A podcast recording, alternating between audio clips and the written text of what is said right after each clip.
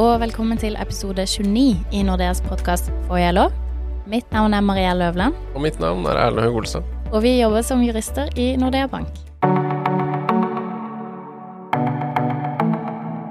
Ja, Erlend, i forrige episode så snakka vi om eh, hva man bør tenke på i forkant, altså før man etablerer seg under samlivet, for å ja, unngå vanskelighetene ved et brudd. Mm.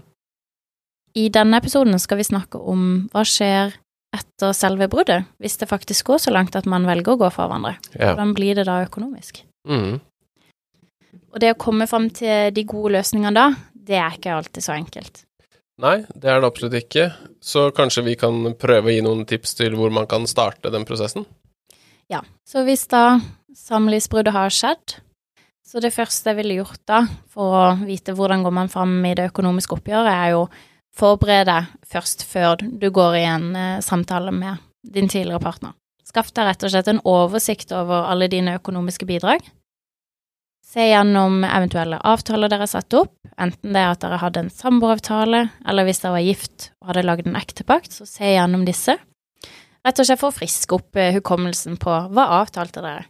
Det kan jo være en god stund. Det er jo ikke alle som oppdaterer de her avtalene jevnlig, så kan jo være at den er ti år gammel, ikke sant. Så hva sto egentlig der? Absolutt henne. Ja. ja. Så her eh, er det jo da lurt å være åpen for at du kanskje har glemt noe, eller oversett noe som partneren din eh, tar fram eh, når dere skal snakke om økonomien seinere. Mm.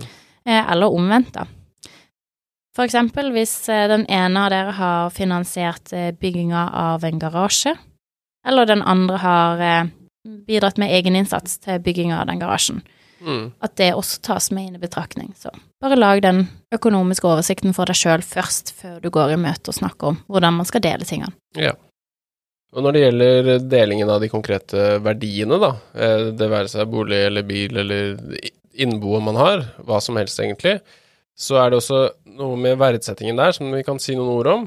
Hvis verdien selges på markedet, så er det jo lett å finne ut hva som faktisk er det som skal deles. Da er det salgssummen som, eh, som legges til grunn der.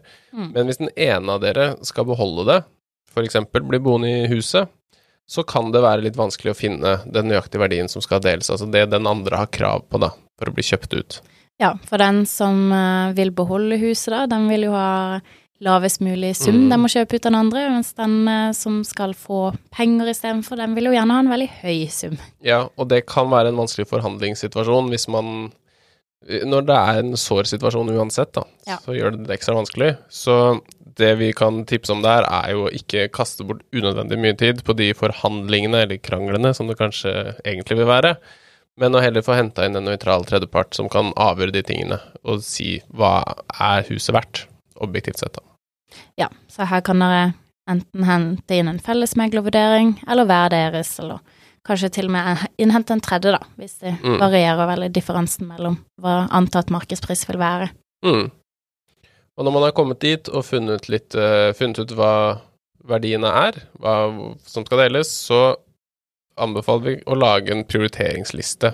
Hva er det som er viktigst for deg å beholde? Er det viktigst at du blir sittende med boligen til den prisen som er avtalt, eller er det at du får tilbake kontantinnskuddet du hadde i hytta til ekssamboeren din da den ble pussa opp for fem år siden? Mm. Um, og innse i den forbindelse da at du ikke kommer til å få med deg absolutt alt du har lyst på. Det er ikke sånn deling fungerer.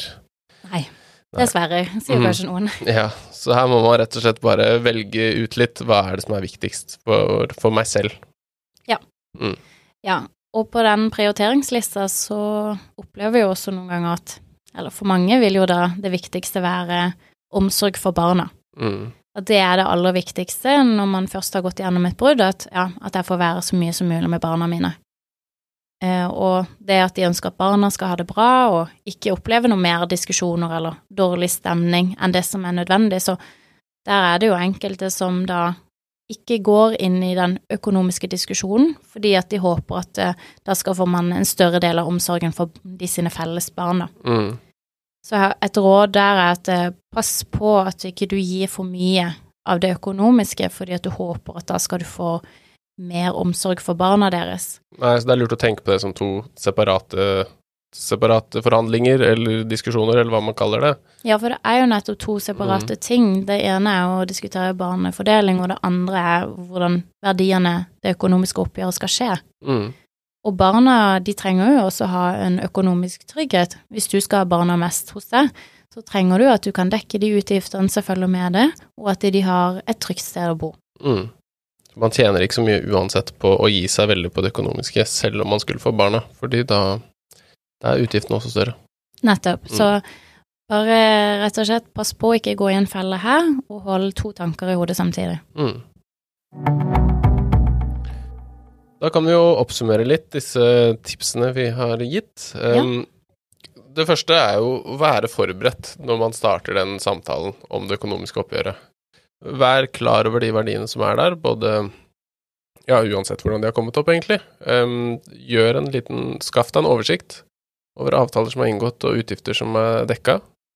Eh, og så i samme forbindelse, da, vær, vær åpen for at dere kan ha en ulik forståelse av de tingene her, hvis ikke det er glassklart regulert. Ja, da, da skal det være en veldig god og ny, oppdatert avtale Mm. hvis, det, hvis man har det. Ja. Så ha en åpenhet her, og så vær klar for at kompromisser, det er ofte det som får verden til å gå framover. Absolutt. Og prioriter hva er viktigst for deg, og innså at du kan ikke få alt i denne her økonomiske delinga. Det må holde med noe. Fokuser på det viktigste. Mm. Mm. Da sier jeg takk for at dere hørte på denne episoden. Og nå kan vi vel ønske lytterne en riktig god jul, kanskje?